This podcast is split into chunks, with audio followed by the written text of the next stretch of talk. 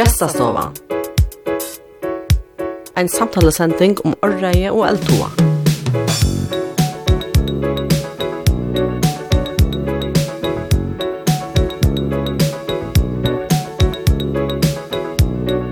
Hesa fyrir sendingen om gonguturar fram við Kåladungon og upp á Heksta fjallet, fram við Dælånne a skoa vekra blómur og nutj pylatrø, eklaing av fugli og boltspelande pilton, som sætne færa bæra steip, og tver systrar som få kjenne eit og i vunni og utlån og i kapråre. Men bjertaste partron av sendingen i tann og boar fra tilflyting og trivnaie av nudjon.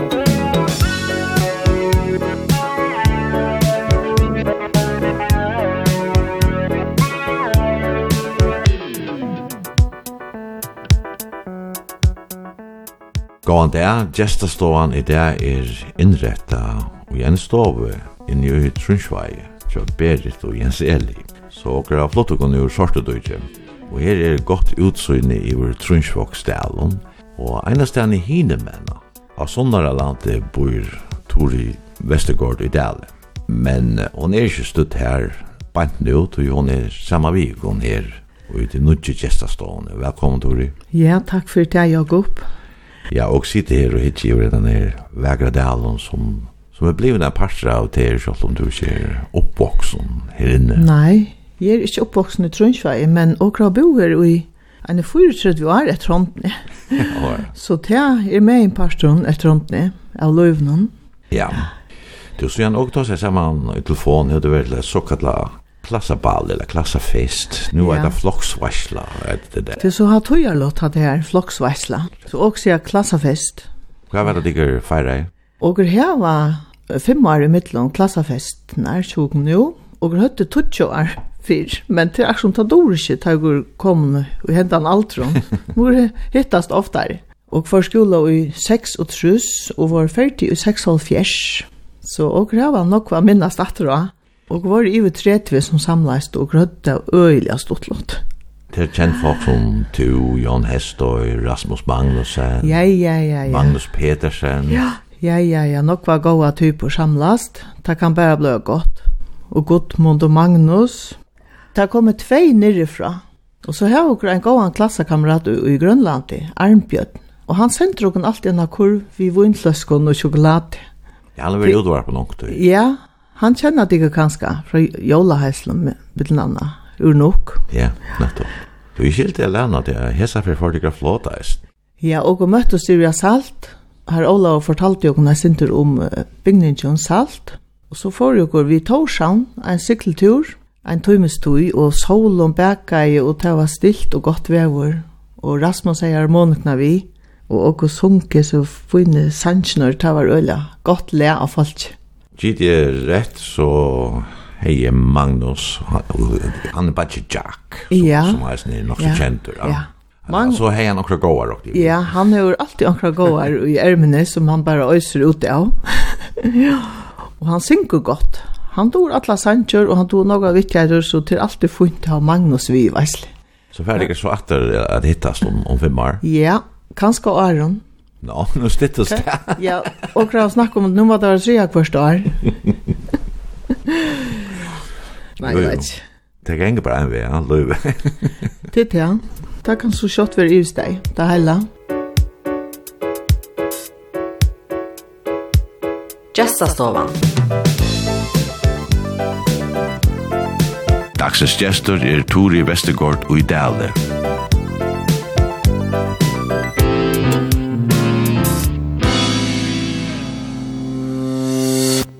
akkurat i det er nok snakk om mjørk, men atanfor så er det glukkaner, heksta fjallet og i sorøyne. Og hvor færa langst av oppa glukkaner om kvöldi for å sutja solen seta, altså det er menneskjen. Men det er så sjoldan at det er så, at søgne er så godt. Og det er faktisk bare se solen seta tver eller trutja fyr her oppefra.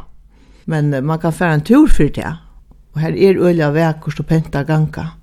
Letta ganga to like I layer gong Ja, ja, har det sort huskot som jag ena för fick. Att nu skulle jag gå upp på klockan och så jag håll sig det längsta där. Ena för våra hundtroll trus folk här uppe, men ta att vi väcker var så gott. Och ta ju man ständer upp i klockan och så ser man solen sätta mittland Mykines och Tintholm. Och det är helt fantastiskt å sitta til ja, och så ser man alla ötjarna norrätter och fjallatoppen norranför. Hvis det, solen ikke er framme, så tant er så kan man alltid fjæra æra der. Det har også reisen vært æra der oppi av glokkene for ikke et solen setter. Og hvor sutt ikke solsetter herfra, Sjorøytene. Så skulle vi gå til Sandvikar, ta sørst du, hvis du fyrir vesterom her. Men av glokkene gjerne det? Ja. Glokkene er heksta fjall her Sjorøytjåkon, 612, så det er eisen i nekka vi har kommet opp av heksta fjall her Sjorøy Og det var nian som jag skilt i Rankabotn. Og för nian Rankabotn og ganga etter Kolavännen som er vestretter.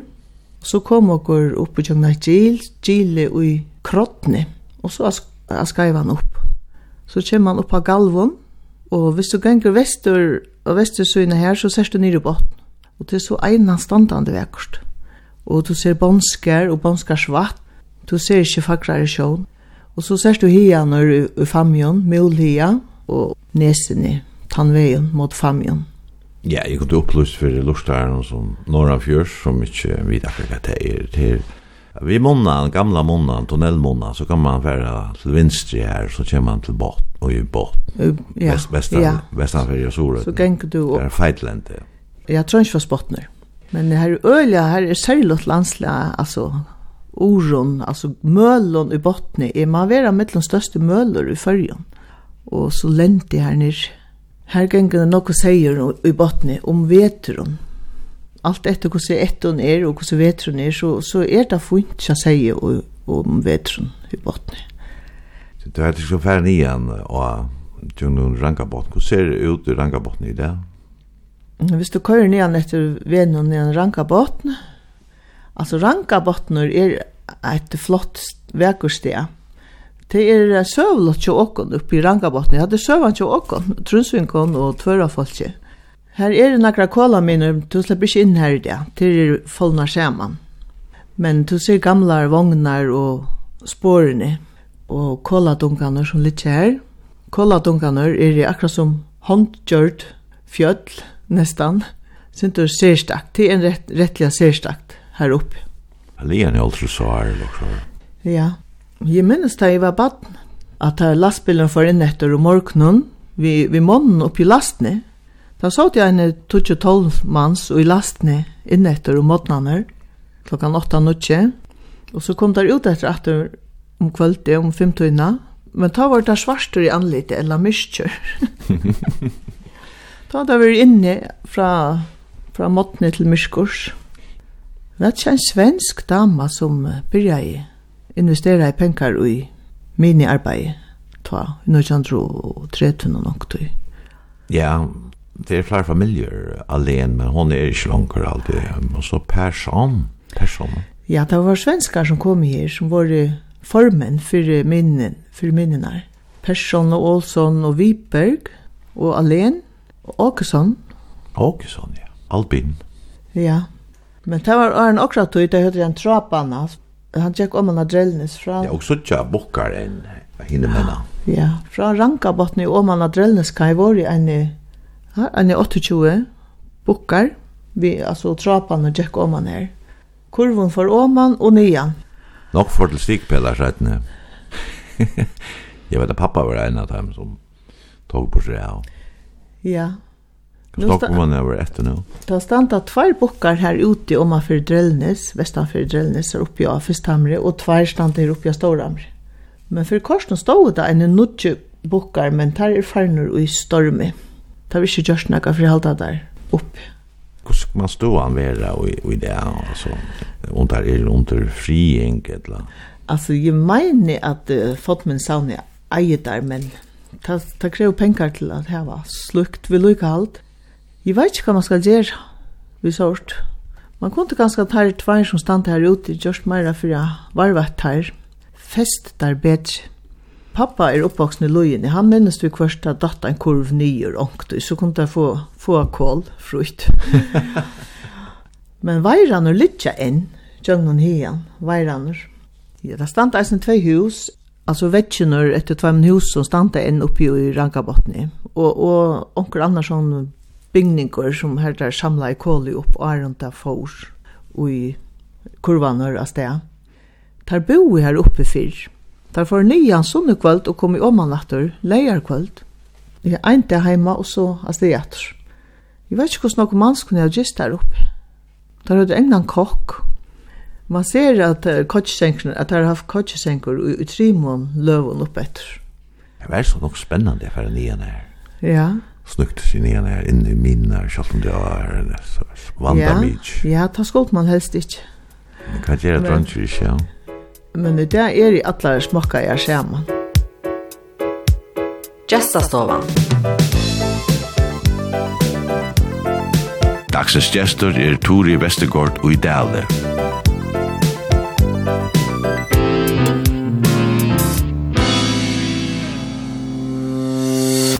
Det kan så vara alltså klockan om och tandvägen så igen 2012. Ja, ja. Så och Ornafjall är det nudjars aftan. Först nudjars aftan och i en halv trusjar hade varit nudjars aftan uppe i Ornafjall. Det är resten är ju hundra folk. Och det har varit hundra trus och det är det halv trus allt efter hur så växer er. Men det är alltid onker som fer och då lyser här uppe i Ornafjall. Nudjars aftan. Det otroligt stolt av söka. Ja, og Arnefeld så vi så nära glocken. Det ser ut som herfra, eller här som åker, jag vaks upp, här ser det ut som Arnefeld er häxig. Arnefjall er häxig, en glockan, ja. Det er det slett. Nej, glockan är lite attanför det. Så det är så höjer ut ur boinen. Men det är onaturligt flott att vara uppe i glockan och suttja ut i vår tröntjesva och fjøren ut etter. Och så ser man borgarknapp og borgarna och sår efter ötne. Det är onaturligt vackert og så ikke solene i armen, og så månen. Og det er jo eisne flott at suttja, suttja månen, tar man ikke solene. Mm. Det er så en tur Richard her som utferra leier, kan jeg säga. Du har en ja. annan tur. Alltså kommunikationen har onkel du hetta meg om jeg kan färra små turer, onkel en blomstertur. Her er mangt och kvatta sucha. Ena för skulle vera vara färra leier det ett engst turistskip som kom inn av fjøren, altså lite skip, ikke så store som man ser i havnen. Og jeg skulle være blomst, for blomstertur vidt ham inn etter årgøtt. Og det var annan juni, og annan juni sørst ikke så nok blomster. jeg har vært ordentlig og, og, og talt opp hver jeg planter jeg sa, og skriva nyer, men du sa bare i annan juni, og hun funnet tve blomster, og det var tve blakotler. Violet, halte jeg det til ønsk, og det var fornøye. Men så får jeg nyan i Ørstagaren til Jørlaf Enni, men det er som å komme en, en eten sava. Luttle Jørlaf, som også sier, han eier det i det. Jeg ringte Luttle Jørlaf, spurte om jeg også kunne slippe nyan i Ørstagaren, til det var så få blomstra, og tja. Jo, jo, det var gammel nå. Og det var i øyelige hodtisjon av Ørstagaren til Jørlaf Enni, ja. Og eisen av plantasjene som er himmelen av veien. Men først blomster, ta så jeg ikke nok vel, ta, annan juni. ta var jeg vært så øyla kaldt var, akkurat som i år til åkon, øyla kaldt var, og blomsterne koma sent. Jo, inn etter årgøte kan du sutja nok, nok var førska planter, og link av imsens le. Og det som er av verst, det er at det vekser en, en pøyler, en førska pøyler vekser miskeiser nere av årgøtene, som og ikke vidt hver han kommer fra. Og man er her alltid, nå sier hun i bortsaktor, nå kommer han fyrir ikke ordlått. Det er nok så stortlått. Det er nok første pullar til, som har veri her alltid. Eisne ta i vutskan og kom her av sinne, så helt man da var rundar og pullar rundt om, og i dølen her i fyrjon. Men sier hever forkom i ødlån. Men i kvalvig vekser palmapullar og onkre ærastan i hava der bæralt, i svine, alltid det hava bæralt, vittland bæralt. Det hava okre ikkje her, det men okre hava så puil. Ja, og eisne finnje jeg palmapuil fra Jørla Fenni, som han jo finnje ur Øravik, som vysa Marion i Øravik, planta i Sunnartøy. Hette er tan samme puilen, og det kan være at det kommer ur Ørstagaren til Jørla, og vi vet det ikke, sikkert. Vysa Marion, det var at 1600. Ja, men det. Ja, hon var ferreist i, i Finnmørkene. her oppe i Norra. Og kom atter vi, vi pøyle, sier søgnen. Og planta i, i Øravik, og badkjennere planta i, i Kvalvik, og Stronton, eller hva det var. Ja. Men onker heldur at dere har kanskje haft den samme pøylen og æren Eisne. Men sier hun er, er atlastene, og har fyrsta rett til alt. Så det hever ikke gåar omstøver, altså vøkster. Men nu har okkur trunnsvei sagt seion bursdur, og nu knappla, nu grør. Plantasjan til okkur vir hundra år, om tro år. Ja, hon er fra 1924. Hon mittlun til fyrste plantasjon er fyrjun. Jeg halte hon nummer 4 eller 5. Så hon er gommel et rundt nu, og trøyne er i hø, og hon er ytla færen av storm. Så her må man planta og is og kvørst. Hon blei så djungnumsiktig at han er av åttna. Ja, ja. Ja, hon, hon er ytla färs. Men her er nok økjur lagt at træt, sånna for åttna, og, og her et annet stikkje som vi finner enn av kjøtt ni. Det er kåren i fyrrjum. Ja, men och man bara planta, fortsetta vi å planta, ikke missa måte, og pøylar og runnar, det er det som inte er så høgt. Det sier grantrøyene blir så øyla hø. Det er det som koppa lettare. Det er kanskje smart å heva pøyl og rund meira av tog som ikkje fer så øyla høgt opp. Men stadigvæk gjør luft, og hever du luft, så først du eisne meira fukla luft, altså fokleren kan fjalla seg i middelen. Jo, eisne vøkstur som blir hekse, det gjør eisne meira møvleikar til, til fokl. Ja, og foklaturer, det er eisne ega du kipa for det. Jeg har haft omkran sånne luttland foklatur, det er kunningarståan som hos borst med, Og kvöldskolen har onkur heitt av meg å hava okkurst om kvöldanar. Fugla skai, her onkur fuglatur er ui. Så det har vi vært onkur tur ute vid pumptavnene. Her er øyla fuglaløy rundt om pumptavnene. Og det er så utanfor krampatanka? Utanfor krampatanka. Så sjølt om skipene sykla fram vi her, og Smirol, han larmar sin dør at fram her, så er rykt fuglaløy her ute av Golgatanka, som det er det ytsta her. Vi mener jeg at det er fria. Her er øyla rukt fuglaløy. Du nevnte her, eisen, og kallar det for utgjør golkanen bare. Ja, utgjør golkanen, ja. Til en golka tanke hesmina og en golka tjokk øravika megin. Og i golka tjokkene her minnast ei at det har lie at det la en plantje tvørst om Jonna. Så kom der vi olkturen og oma fra tingstovni oppe mittlen stovor, oppe mittlen stovor og oma, i golka tjokk säga tjoar och sådär. Ja, ja. Nu då tar som fågel. Ja, du har till dem sagt mer åt hände vi fågel för nästan till dem så att att något skickor är nu.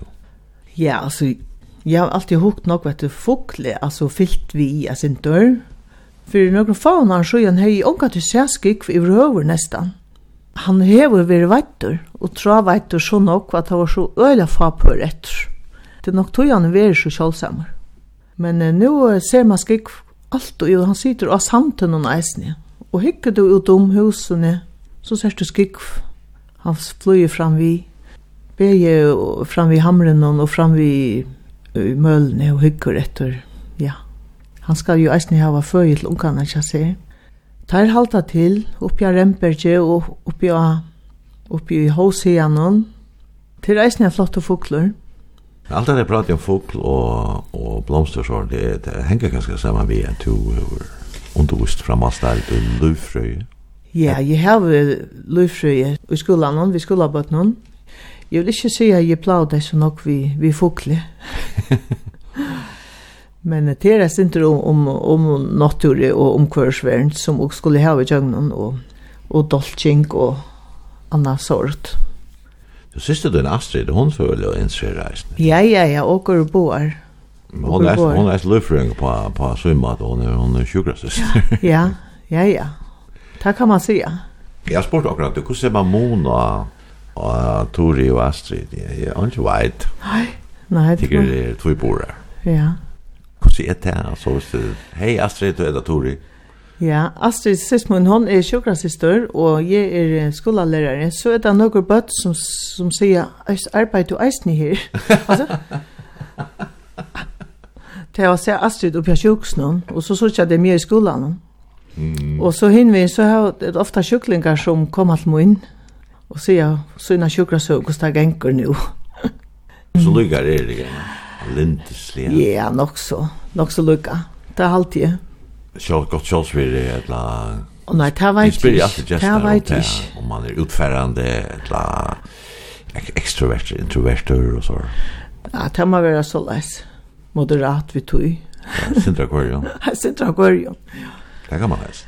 Og så spelar första Sanjon nu og ja, han han är väl någon slags service. Hesten her... Du har skär sen du du ja. du sunchen också. ja, ja, og det har vært klassafest, og det har vært og ta har ganger det i røddene. Jeg har valgt en sang av Annike Høytal, til at og har alltid spilt noe Annike Høytal hjemme til åkken til her Kvitanese. Hun kom vi, hva sitter der? Orkestret ikke henne, det het... Harskalie. Harskalie, ja. Og grå høtte fløvner av Harskalinen og Annike Høytal. Da domte hun ødel ved mamma domte vel Annike Høytal.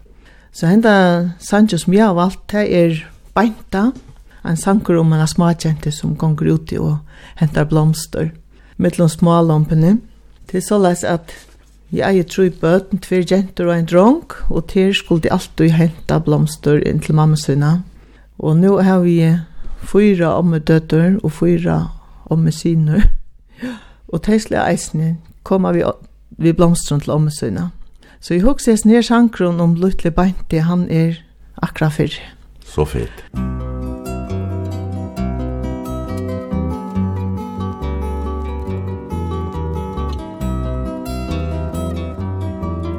Hvor er det som her kjemmer latitande om tai, så fitt om snøy og kløtt og i silkje vond, Det er hon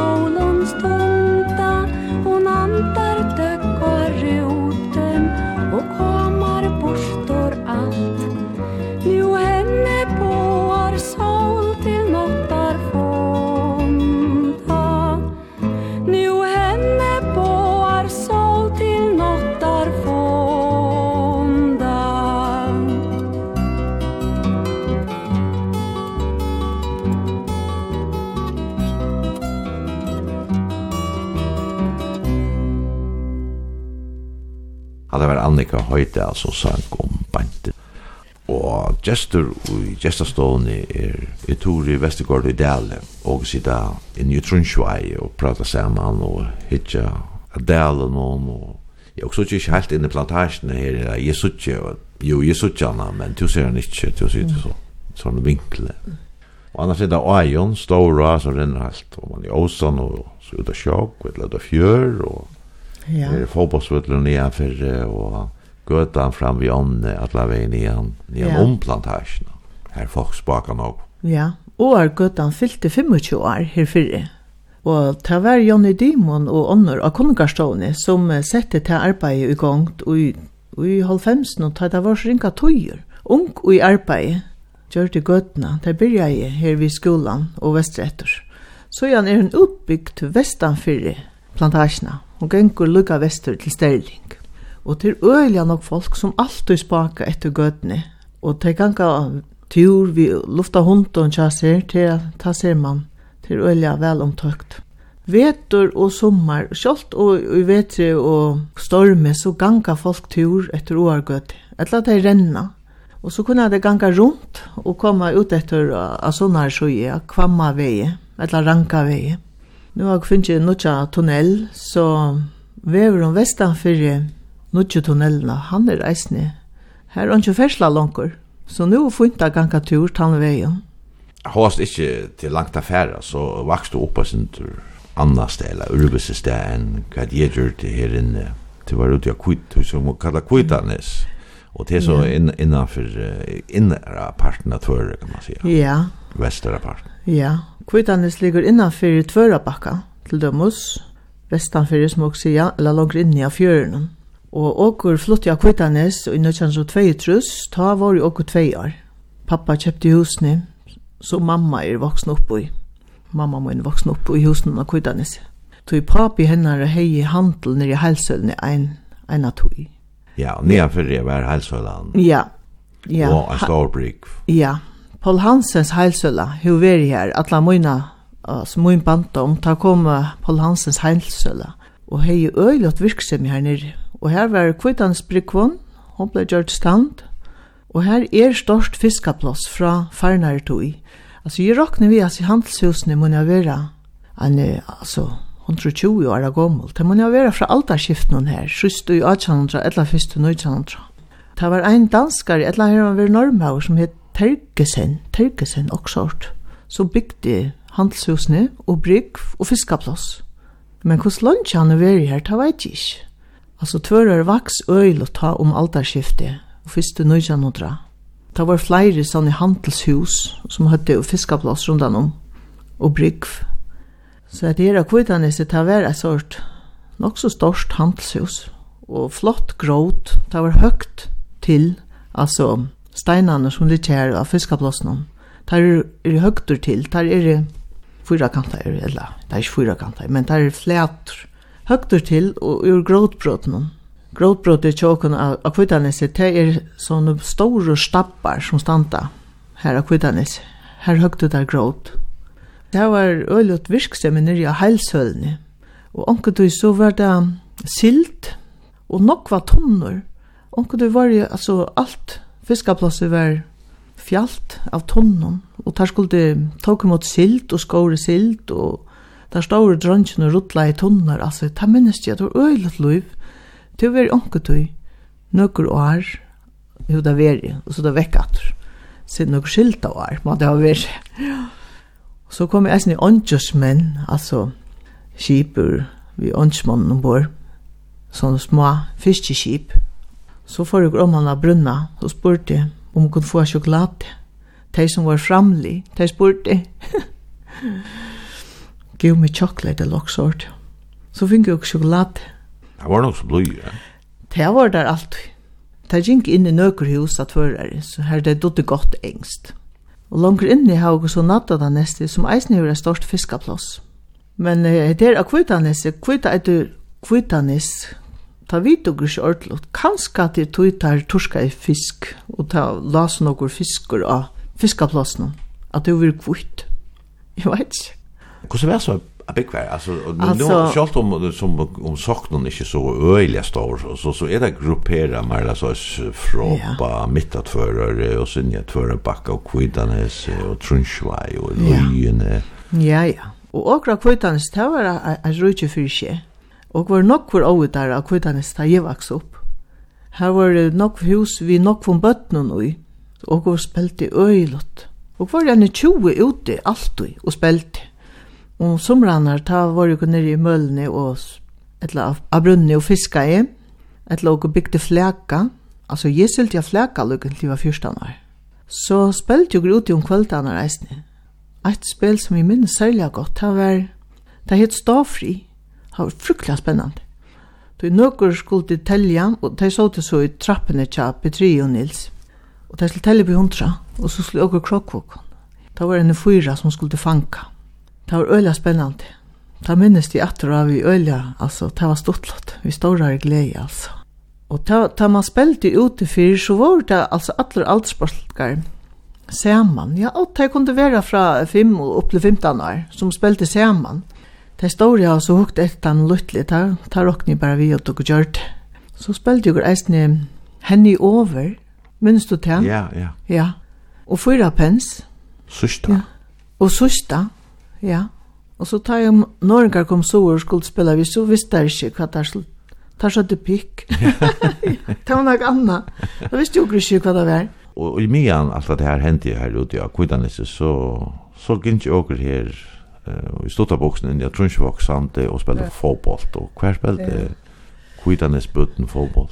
Ja, Trunchen av Kvitanes tar sparka i mittlun Heilsølna og Vaskeskuren kallar jeg det. Tar var jeg nere og sparka i. Alt og alt og alt sparka i der.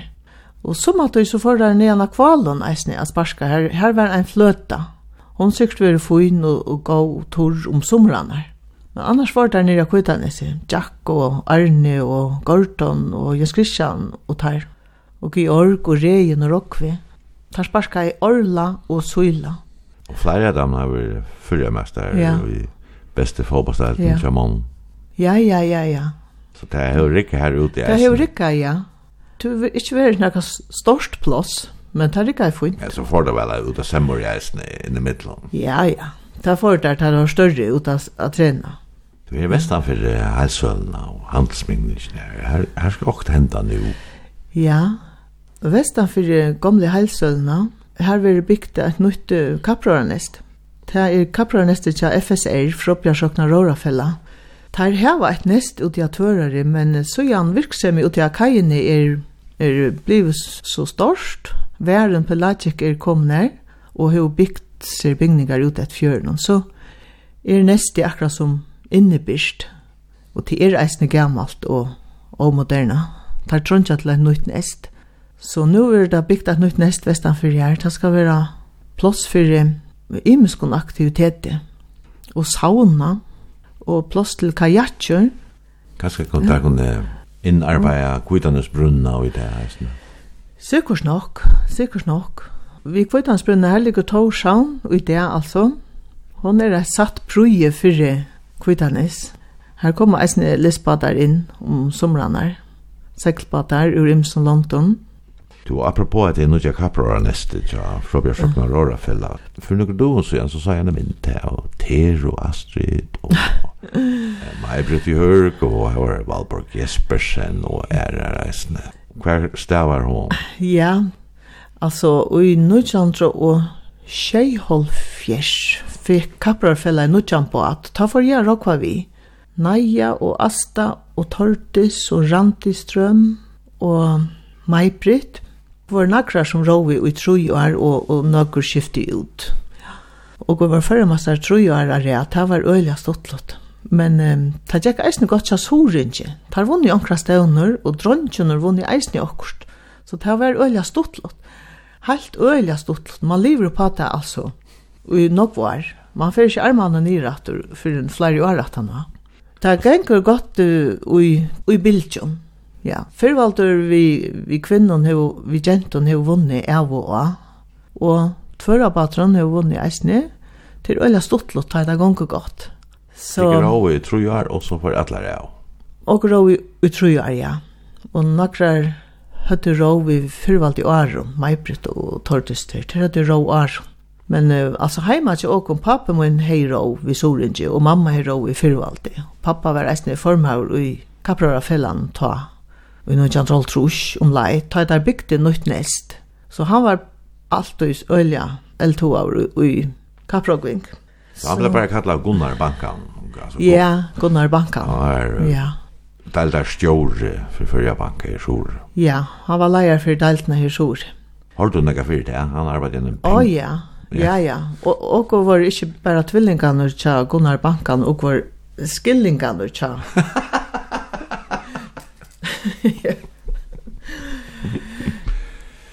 Det tror jag han ofta alla pengarna så var det Bankan. Nei, tvart, jeg vet ikke. Nei, han var alltid i ølja og så leis, og L2 var i Kaprokving, så det, det var akkurat fyllt vi. Han var så sånn når Paula Uksson. Ja. Og fyra systrar tala ukron og fyrir systra kom av ukron. Ja, appe, appe min er av ukron, ja, og omma tuin, Jakob, og er trumningar. Ah, tvallig var det godt.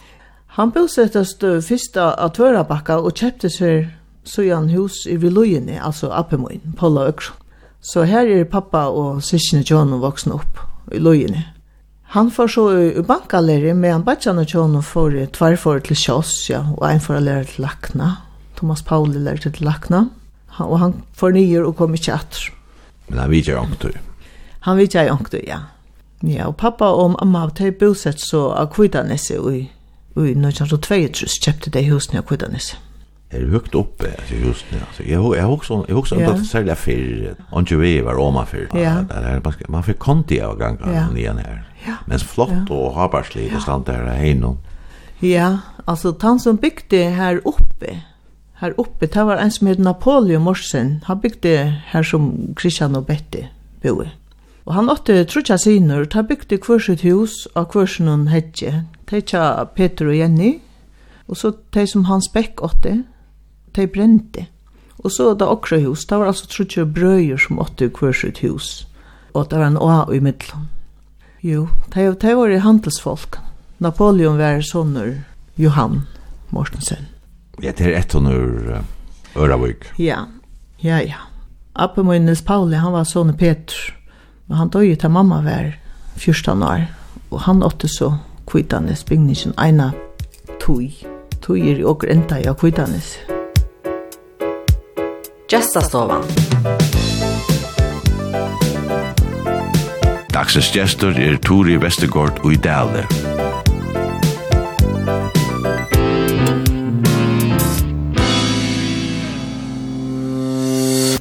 i 1904 så var du av lærerskolen.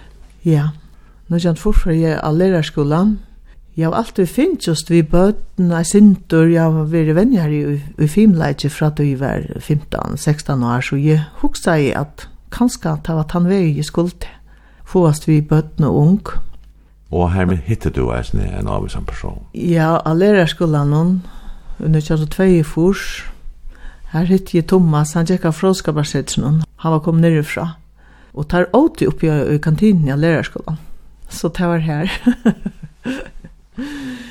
jo, og det var øyla stortelt til lærerskolan. Og går gjenku i fyra år, og i samme flotje, altså, og tan flokkron som jeg kom i, og var nok så jankommel, ur ötlom fyrjon, og og høtta øyla godt saman, han minnes, det var øyla stortelt. Og i det sier jeg, det er bare skolet, Jeg tvarla trutja det er en vikna. Det gangte ikkje på samme måte i skola som og gjørt.